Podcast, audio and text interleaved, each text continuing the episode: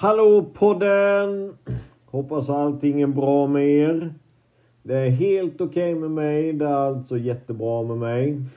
Det är så här att eh, vi börjar lacka mot jul nu ju.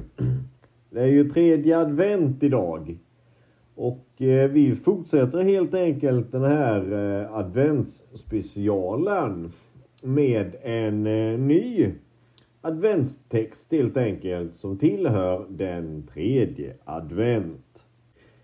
Tredje söndagen i advent.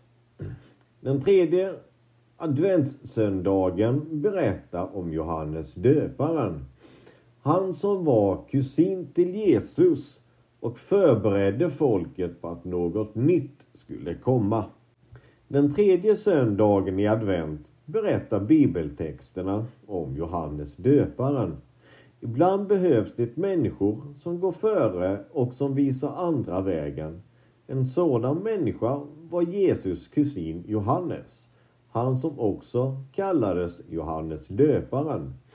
Johannes brann för att människor skulle omvända sig, döpa sig, förändras som människor och han banade väg för Jesus och människorna fylldes av förväntan. Advent. Ordet advent betyder ankomst. Jesu ankomst. Under advent minns och tänker vi på Jesu födelse, Jesus, Jesu återkomst och Jesus som finns hos oss idag. Så, då har vi kommit fram till dagens evangelium. Och det hämtar vi från Matteus evangeliet kapitel 11, vers 12 till 19.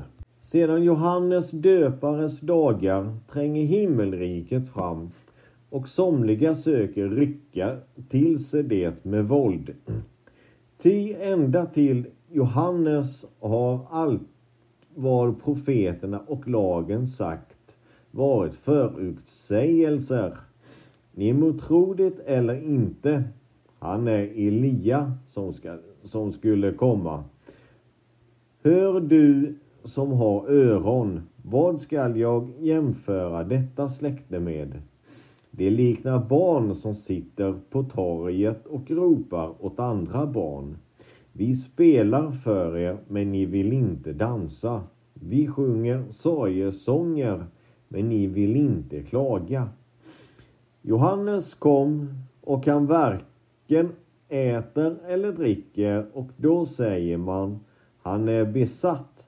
Människosonen kom och han äter och dricker. Då säger man se vilken frossare och drinkare en vän till tullindrivare och syndare. Men vishetens gärningar har gett visheten rätt. Det var dagens adventsavsnitt. Tack så mycket för att ni har lyssnat på Gizmos podd.